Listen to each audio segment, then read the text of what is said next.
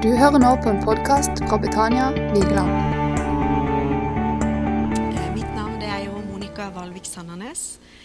Og eh, det er Trude som eh, har invitert meg, tror jeg. Vi er i styret i Lev. Vi kommer fra Philadelphia, Kristiansand. Har vokst opp der. Og faktisk så har jeg vært her i menigheten hos dere. Når jeg var liten, jeg hadde ei veldig god venninne som eh, hadde dette som eh, sin barndomsmenighet, så jeg var med henne her. Og så har jeg foreldre, Øyvind og Bodil Valvik, som har vært her både og sunget og talt. Og mest husker jeg at de har vært her og sunget eh, for veldig veldig mange år siden. Og da var jeg et av de barna som løp i stol, eh, stolradene her, og fikk lov å være med når, når mamma og pappa reiste litt sånn ut da. Så jeg husker at jeg har vært her. Eh, og det som jeg kan huske, det er atmosfæren. Eh, som jeg kan kjenne igjen nå når jeg kommer her til dere nå. Det er den samme atmosfæren. Jeg kan huske smilene og jeg kan huske varmen. Eh, og det er fantastisk godt å være her. Og nydelig å høre vitnesbyrdet ditt. Så fint. Og jeg har lyst til å dele noe med dere For meg og Trude snakka om eh, noe når vi var på eh, lederkonferanse i februar, tror jeg det var. Da delte jeg noe som handla litt om bønn og litt om dette med å gi det videre. Og også her så er det mange som har gått foran. Det fins i, vår, i, vårt land, og det fins i våre menigheter og i våre byer. Det fins bønnemennesker, og det fins en eldre eh, generasjon som virkelig har fått tak i noe, som har skjønt noe, som har brøyta et land, og som har opplevd Gud, og som har eh, satt eh, i gang så mye. Og så kommer det noen generasjoner etter som skal følge etter. Og vi snakker litt om det, og det er kanskje noe av det jeg har lyst til å si litt om eh, denne formiddagen. Og overskriften Jeg vet ikke om den er så veldig god, men eh, det handler om han. Og det er jo Jesus. Det handler om Jesus. Det handler om Gud. Det handler om Guds nærvær. Eh, og det som, som vi ser opp til av de som er gått foran, det er når vi virkelig kan se og kjenne at de har opplevd Gud. Og at vi får lyst til å følge etter og oppleve noe av det samme og ta det videre. Og jeg kommer jo fra en menighet og fra en tid um, Så her var den, ja. Kanskje det var her jeg skulle stå. Men det kommer um, Det har vært en tid i vår uh, menighet i Philadelphia, Kristiansand, uh, som ligger bak, som har vært egentlig uh, veldig mye av min oppvekst. Så har jeg vokst opp et sted som har opplevd en enorm utvikling og, og vekst. Eh, det første der er vårt gamle bygg, og det ved siden av er der vi på en måte bor nå, skulle jeg si, for det føler vi bor der og holder på med alt vi gjør der. Men det er vårt nye menighetsbygg, og her også så har dere opplevd en vekst og utvikling og bygd ut, og jeg gleder meg til å se etterpå eh, det nye bygget som dere har her. Vi har opplevd at Gud har fylt oss med noe. Gud har kommet og Gud har skapt en vekst eh, som jeg har fått lov til å stå nærme og se både i min familie, men også i et lederskap som har gått foran. Vi opplevde på rundt 90-tallet at det var en bønnevekkelse som begynte å komme i menigheten vår. Det handla om Jesus. Fra å bli sånn at vi kom sammen bare for å be alle bønneemnene vi hadde, så var det sånn at vi kom sammen for å være sammen med Jesus. Vi kom sammen for å bare være hos han. Og når vi var i dette gudsnærværet, som også vi kan kjenne når vi kommer sammen her, så kunne vi oppleve at det å bare være sammen og være i Guds nærvær, det gjorde noe med oss. Det forandra oss, det skapte noe, og det skapte frø som planta seg inn i hjertet vårt. Og et av disse frøene som ble planta inn i oss som menighet, det var et frø om et Jesussenter. Et senter i Kristiansand som skulle være et Jesussenter. Og Det er veldig veldig lenge siden, og da hadde ikke vi noe Jesussenter. Vi hadde det vanlige bygget der. Og når det frøet blir planta, hva skal du gjøre? Eh, enten bare tenke at Hva var det for en, eh, for, et, for en tanke? Og du fortalte så fint om de tre setningene du hadde fått. Hva skal du gjøre med det? Er det bare en tanke, eller skal du la det slå rot? Skal du la det få lov til å bli planta? Og for vår del så hadde vi et lederskap som tok imot det ordet som ble planta. Og de planta det i hjertet sitt, og det ble ei tid med bønn rundt dette. Og vi har sett at ved å la det få lov å vokse, la det få lov å gro, så har det blitt en realitet. Det har blitt et Jesussenter. Og ikke bare det. Det har vært som et tre, et lite frø. Et tre med faktisk veldig mange greiner. Og det vi opplever nå, er egentlig at det, veldig mange av disse greinene For det er jo bare et bygg. Det er jo det som er inni, som er viktig. Det som handler om samfunnet vårt, om den byen vi bor i, om de menneskene som eh, Gud elsker og ønsker å betjene. Og det vi ser nå, er at vi står midt i en frukttid, tror jeg, hvor mange, mange greiner bærer frukt som mange kan eh, spise av. Eh, og midt i det så har vi hatt et lederskap, vi har hatt en generasjon som har gått foran. Og så handler det om å levere det videre. Det handler om å la det bli stående. Og det er kanskje noe av den største ærefrykten som jeg går med, og som jeg kjenner på. Hvordan kan vi klare å videreføre dette til generasjonene som kommer bak? Hvordan kan vi klare å bli stående i det uten å bli bortskjemt og bare tro at liksom vi kan knipse med fingrene, og så har vi alt? Det ligger mange, mange, mange år med bønn og med et gudsnærvær i bunnen for at det har blitt det det har blitt. Og hvis det skal bli stående, og hvis det skal fortsette å bære frukt, så er det en hemmelighet som må bæres videre. Og det handler om bønn, og det handler om Han. Det var derfor jeg hadde lyst til å ha det som overskrift. Det handler om han. Det er nøkkelen. Det var det som, som var nøkkelen for at alt har blitt som det er blitt nå. Eh, og Vi kunne sagt mer om det, men jeg skal ikke bruke tid på det. Men det er også det som vil være nøkkelen for at det kan bestå. Nøkkelen for at det kan vokse videre. Og nøkkelen for at nye generasjoner kan komme inn i det som ligger foran. Og det gjelder ikke bare for oss i Kristiansand, men det gjelder for dere her. Det gjelder for mitt liv, og det gjelder for ditt liv. Og jeg har lenge eh, opplevd meg sjøl som en av de som kommer etter. Jeg vet ikke om du kjenner deg igjen i det. Men eh, med noen veldig store sko å fylle, som jeg ikke føler passer. Har veldig små bein i utgangspunktet eh, og er ganske liten i, i, kroppen. Men altså alt som ligger foran oss, og alt som vi som generasjon i Kristiansand skal gå inn i, det er store sko å fylle. Det er så mange ting. Eh, og det har vært noen før også som eh, har opplevd noe av det. Og dette er kanskje et bilde av Moses og Josfa som vi skal komme litt tilbake til, som eh, har opplevd en enorm veksling. Men det å komme etter det kan være på så mange plan. da. Det kan være i familien. At du har hatt foreldre som har gått foran, og plutselig så skal du starte din egen familie. Så skal du begynne å bygge et hjem, og så skal du begynne å være foreldre sjøl. Det kan være på jobben at du har, har studert og, og, gått i lære, og så plutselig er du den som skal ut og jobbe og være der og bygge noe og være de som kommer etter. Det kan være eh, i menighet, sånn som vi kanskje snakker om nå, at det har vært noen som har gått foran. Det har vært noen som har, har bygd noe. Og så kommer du etter og skal få lov å bygge videre og vandre inn i det som allerede noen har gått foran og bana vei for. Vi følger etter Jesus. Han har gått foran oss, og så kommer vi og følger etter. Og eh, Bibelen forteller om veldig mange vekslinger og veldig mange som har opplevd å overta stafettpinnen og gå videre.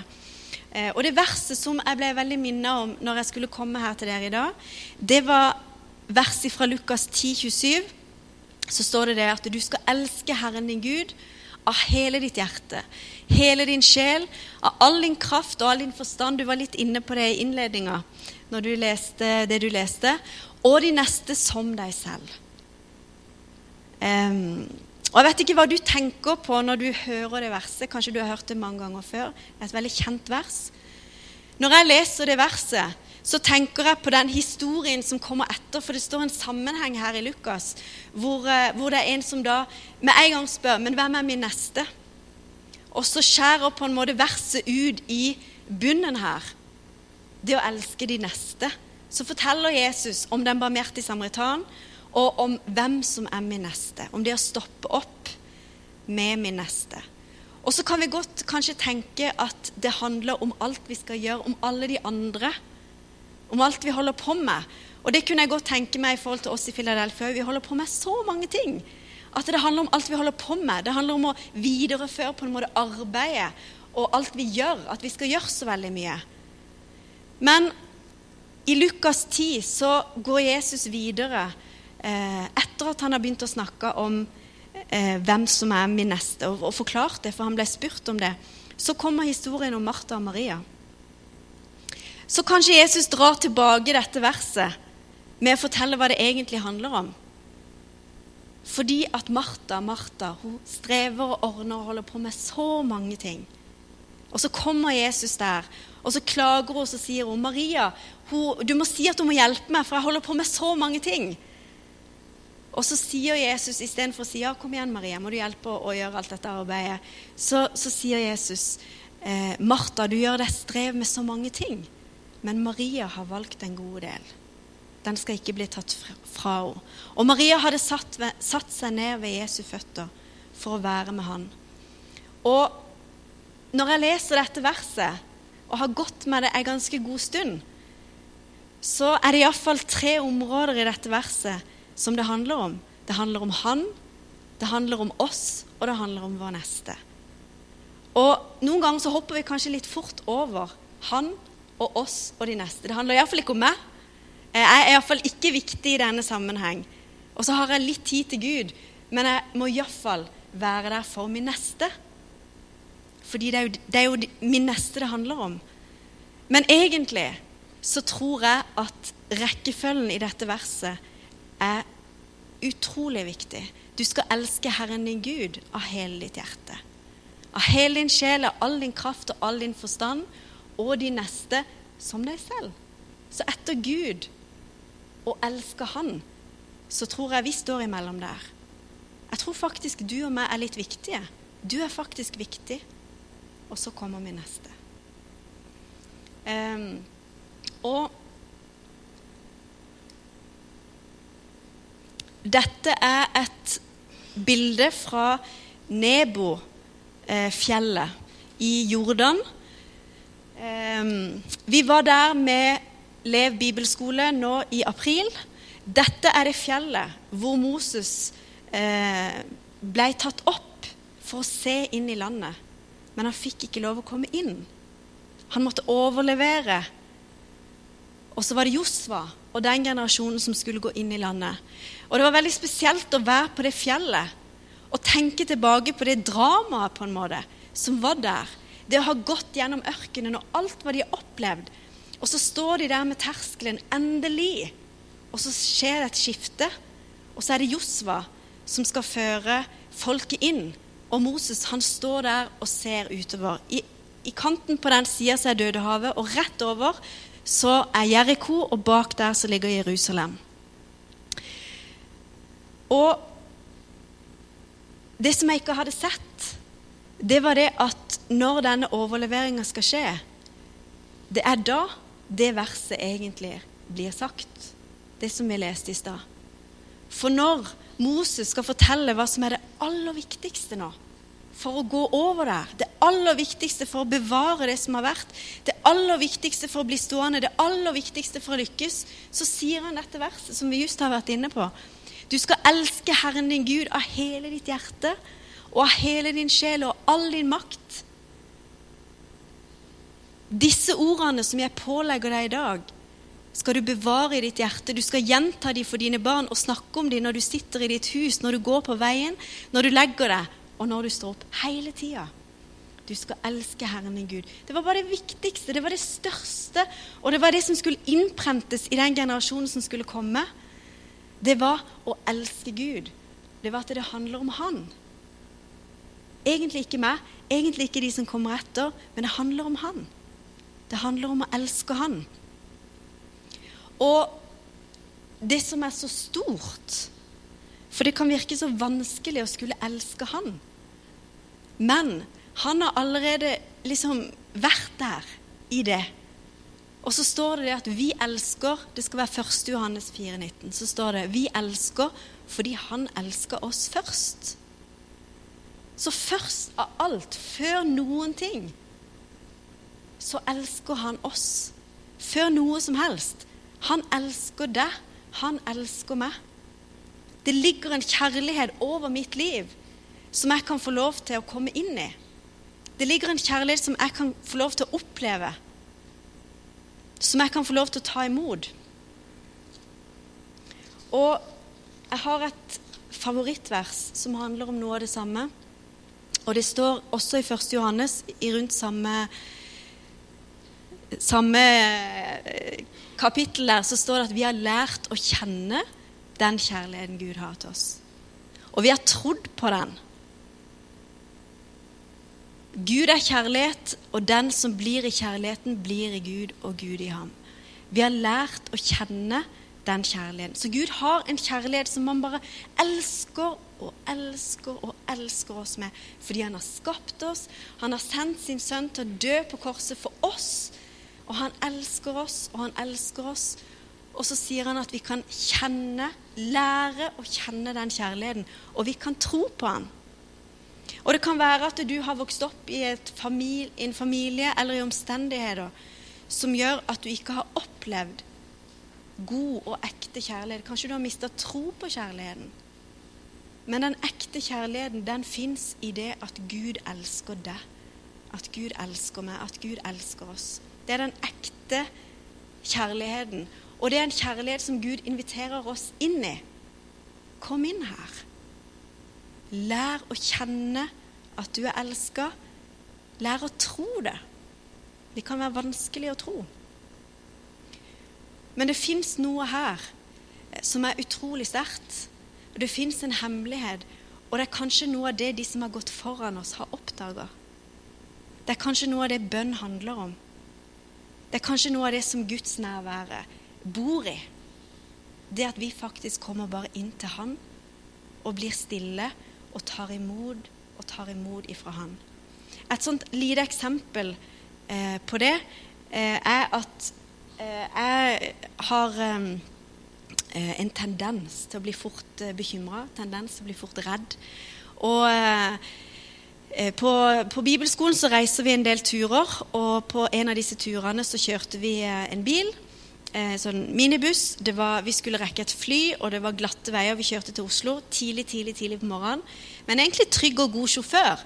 Men som eh, lærer og, eh, så satt jeg bak og kjente liksom på bekymringa komme for disse glatte veiene og for at vi skulle rekke flyet. Så jeg satt på tuppen av, stolen og fulgte veldig med. Eh, og, og, liksom passa på, egentlig. Nesten bremsa med beinet, selv om jeg hadde jo ingen som helst innvirkning på hvordan dette gikk, fordi jeg satt helt bak oss. Eh, så ba, det var bare inni meg alt dette foregikk, at jeg satt, satt på det her viset. Kanskje noen av dere kjenner det igjen så tok jeg meg sjøl i det. Hva er det du holder på med her du sitter? jeg var helt utslitt eh, av, den første timen på denne bilturen når vi skulle kjøre fem timer til Oslo, til Gardermoen. Og så tenkte jeg bare Nå skal jeg bare kjenne hvordan det er å ha tillit. Nå skal jeg bytte min bekymring og min frykt med tillit. Så tenkte jeg jeg har ikke noe innvirkning på dette. Jeg sitter helt bak.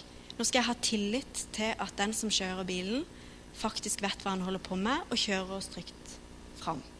Så satte jeg meg godt tilbake, og så, og så sa jeg liksom til meg sjøl Kjenn nå åssen det er å ha tillit. Kjenn åssen det er å hvile. Kjenn åssen det er å ha en god tur. Kjenn åssen det er å bare være nå. Nå kan du tenke på masse annet og bruke tida på noe annet, og faktisk sove litt og samle krefter. Og noe av det tror jeg det handler om når vi kommer til Gud. Så kommer vi med så mange ting. Vi kommer med alle liksom, våre planer, vi kommer med alle våre tanker, vi kommer med alle våre bekymringer. Og det kan vi, og det skal vi. Og han vil ta imot det, og han bryr seg. Og han har lyst til å hjelpe oss med alle ting. Men mest av alt, først av alt, dypest, sterkest av alt, så tror jeg vi skal få lov til å komme til han for å bare lære å kjenne tillit du kan være trygg hos meg. Du kan hvile hos meg. Du kan være elska. Du kan slappe av. Vite at du har en framtid. Vite at jeg er glad i deg. Vite at jeg bryr meg. Alle disse tingene som jeg tror Gud har lyst til å fylle inn i våre liv, som vi mange ganger går glipp av. For vi løper så fort. Og vår bønneleder i Kristiansand, Hilbert Norheim, han sier det når, når vi skal gjøre noe sammen, f.eks. eh, og snakker om hvordan skal vi gjøre det, og nå vet vi hvordan vi skal gjøre det, så sier han noe veldig merkelig. Så sier han, 'Monica, vi får hvile oss til det.' Eller, vi får hvile oss til det. Hvile oss til det? Hva er det du mener, liksom? For en omvendt måte å, å, jobbe på. For en omvendt måte å si noe på. Hvile oss til det. Ja, men hvorfor? Han, er, han, er, han har lært Han har gått nå så mange år. Han har sett liksom all den prosessen og alt vi har vært i. Og det er det han sier. Vi må hvile oss til det. Det ligger en hvile, det ligger en tillit det ligger en, en, et kjennskap til Gud. Det ligger en tro hos de som har vært der og funnet den hvilen, som kanskje mange i vår generasjon går glipp av. Men jeg tror det er noe av det viktigste Moses ville si til Josfa. At du skal elske Herren din Gud av hele ditt hjerte. For hva skjer når vi sitter i den hvilen, når vi kjenner den tilliten, når vi tar imot den kjærligheten? Da skjer det noe. Da begynner jeg å elske tilbake. Hvis jeg først har tatt imot, så begynner jeg å elske tilbake. Så kan jeg elske han fordi han elsker meg først.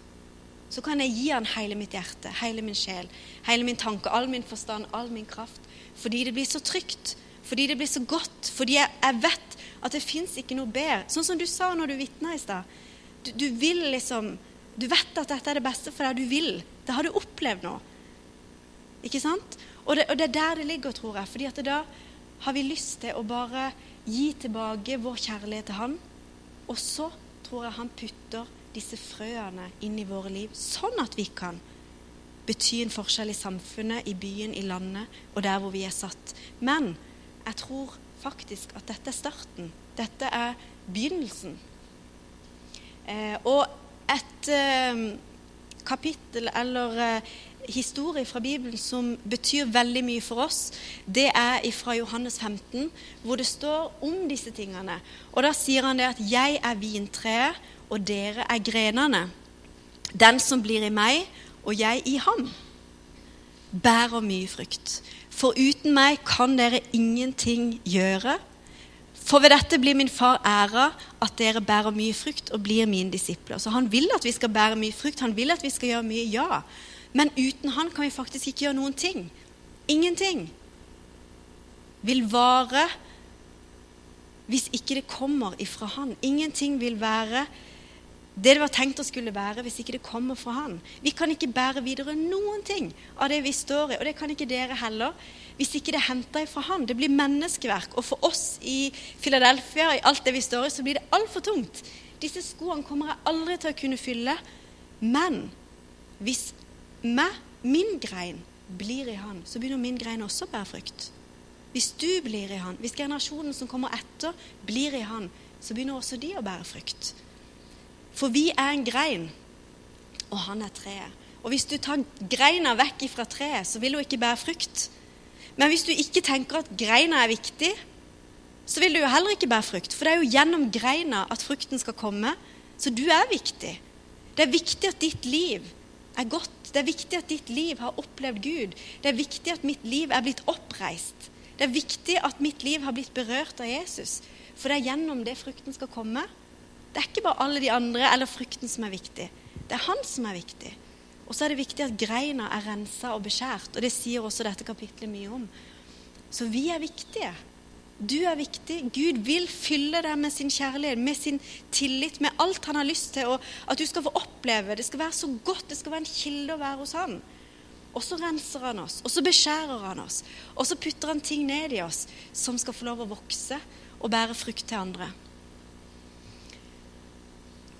Og jeg kan se det i mine generasjoner foran. Jeg kan se frukt. Jeg kan se at det er greiner som er i treet og det gir meg en lengsel. Da begynner jeg å lengte. Oi, jeg vil være på dette treet. Tenk at jeg kan få lov til å bli satt inn i en sammenheng. Du kan få bli poda inn i et tre. Være en del av noe som er mye større enn deg sjøl. Det er en del av Guds rike, og det er en del av historien. Og um, jeg tror også at det faktisk er en Guds hensikt at du er akkurat her og at jeg er akkurat der. At Gud har planta oss et sted for at vi skal vokse og bære frukt der vi er planta, der, er, der vi er satt. Det står om det i vers 16. Eh, vi skal ikke gå så inn i det, men eh, det står om at Gud har planta oss med en hensikt.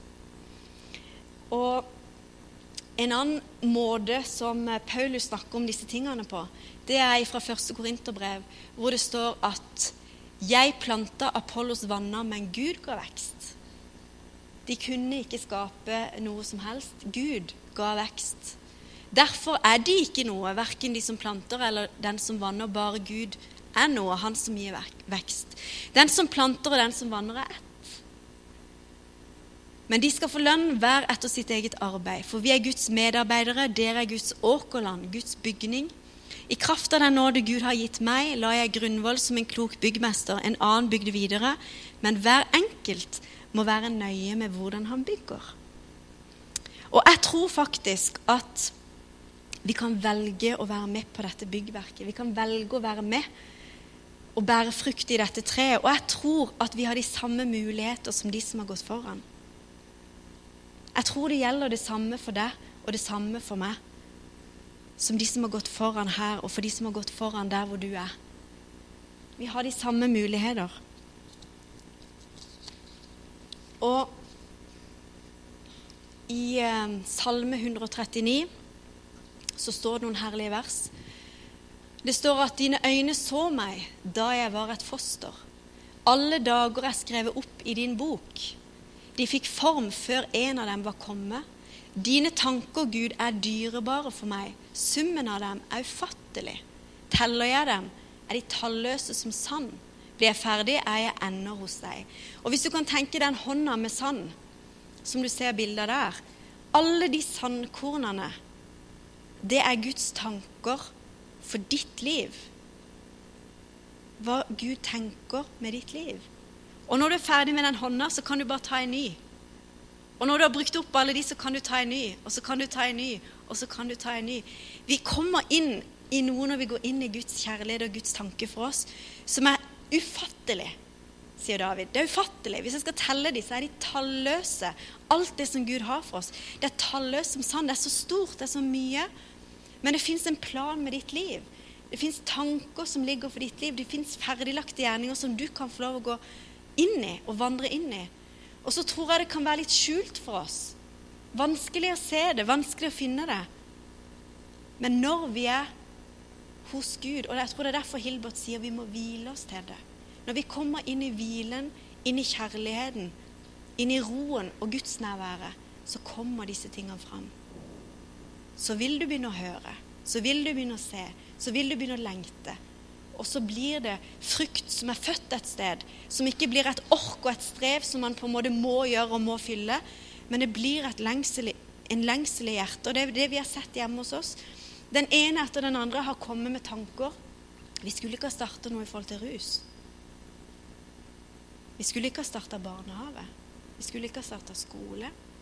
Hvor, hvor kommer disse tingene fra?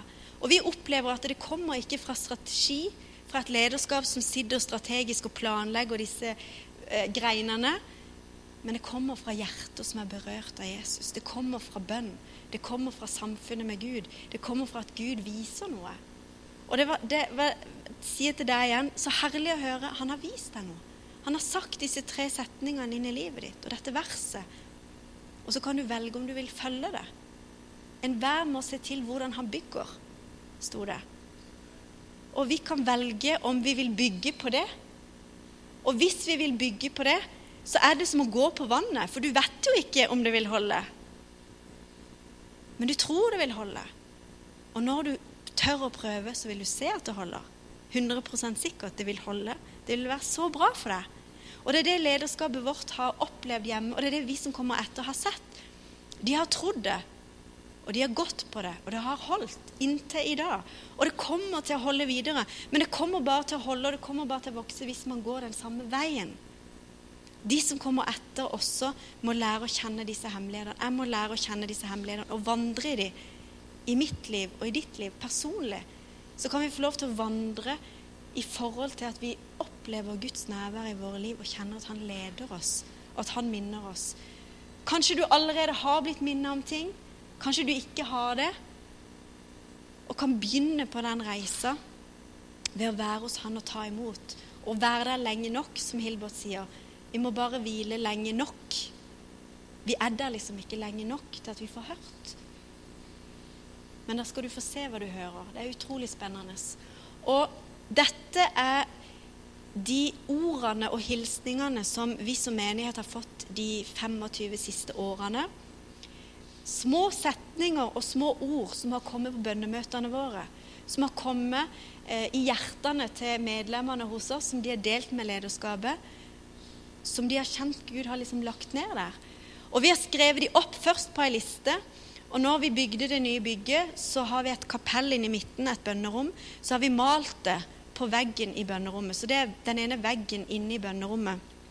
På en måte hjertet av det nye bygget. Og vi har det der for å minne oss om hva Gud sa 20 år før det skjedde.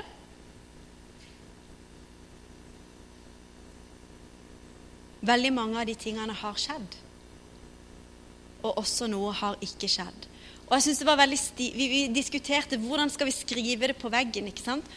Og kanskje generasjonen som har fått dette, hadde skrevet det liksom rett fram. Så fikk vi en ungdom til å skrive det på veggen. Og så kom det ut i det formatet dere ser der. Så de, på en måte så står de gamle ordene i en litt ny drakt. Og det syns jeg er herlig i forhold til overleveringa. For vi skal ta videre de samme ordene, de samme, det samme pulsen, det samme som har vært, bare i kanskje ny form.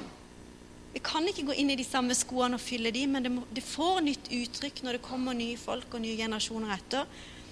Men det er noen hemmeligheter som vi kan bevare. Og da har jeg lyst til å spørre, hva har Gud sagt til dere som menighet? Hva har Han skrevet inn i deres hjerter? Hva har Gud skrevet inn i hjertet ditt? som person? Hva har du fått?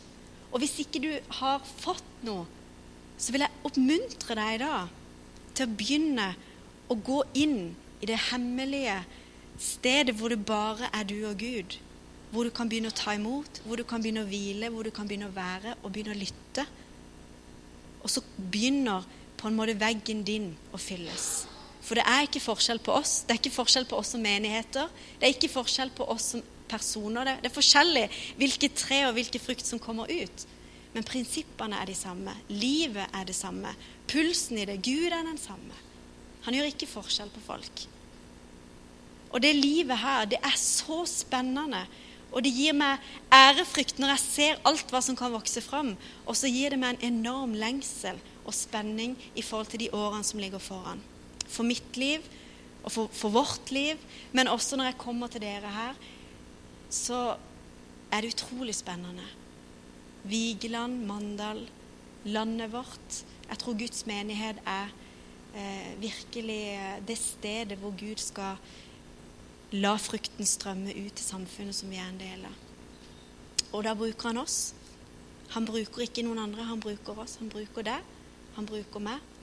Og, og, eh, de store tingene som er sagt med barnehage, rusomsorg eller sånn, så kommer det ei annen som sier hun nå tror jeg jeg vet hva Gud har lagt ned i mitt hjerte. Jeg skal være litt mer våken når jeg går tur med hunden.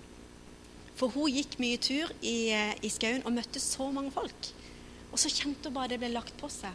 Jeg skal virkelig prate med alle disse folkene jeg møter. Jeg skal begynne å snakke om noe annet. Så blir det ei grein som vokser. Så fra det store til det lille, akkurat der vi er satt. Jeg tror vi er satt der vi er satt med en hensikt. Gud har skapt oss med de gaver og talenter som vi har, for en hensikt. Og så vil han velsigne det, så vil han mangfoldiggjøre det. Og det var egentlig det jeg ville si. Så jeg lurer på om vi skal bare be litt. Kanskje, Stian, har du lyst til å spille litt? Så tror jeg bare vi er litt stille. Eh, og så ber vi litt. Og så kan du bare være stille innenfor Gud med ditt liv?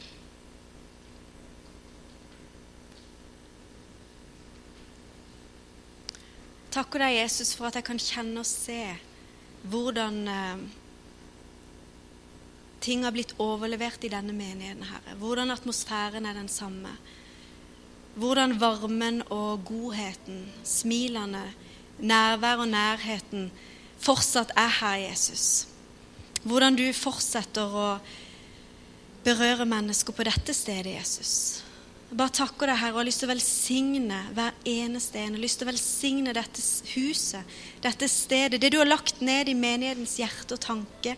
Ungdoms barnearbeid, Herre. Alt hva de holder på med, Jesus. Og vi bare framber, Herre, at det skal vokse, Jesus, at det fortsatt skal bære frukt, at det skal gå videre inn i alle generasjonene som kommer etter Jesus. Og vi ærer eh, de som har gått foran.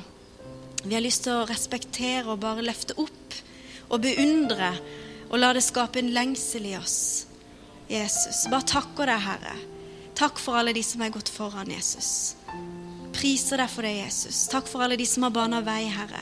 Og så ser du hver enkelt en av oss og våre liv. Jesus, du ser veggen i mitt hjerte, hva det står på den. Du ser om det er fullt av ting, eller om det er få ting. Kanskje ingenting. Men jeg takker deg, Jesus, for at denne kilden og denne kjærligheten din, den fins der for oss alle sammen til å bare sette oss ned i og lære oss å ta imot. Lære oss å tro din kjærlighet og elske deg tilbake. Si takk. Og så vil du plante disse frøene ned i våre liv, disse tankene, Herre. Profetiske retninger inn i våre liv. Og vi ønsker deg velkommen, Jesus. Bare priser deg, Jesus, for at dette er bønn på det dypeste. Det er den hvilen vi kan ha hos deg, Herre. Fellesskap og relasjonen med deg, Jesus. Det er der det ligger.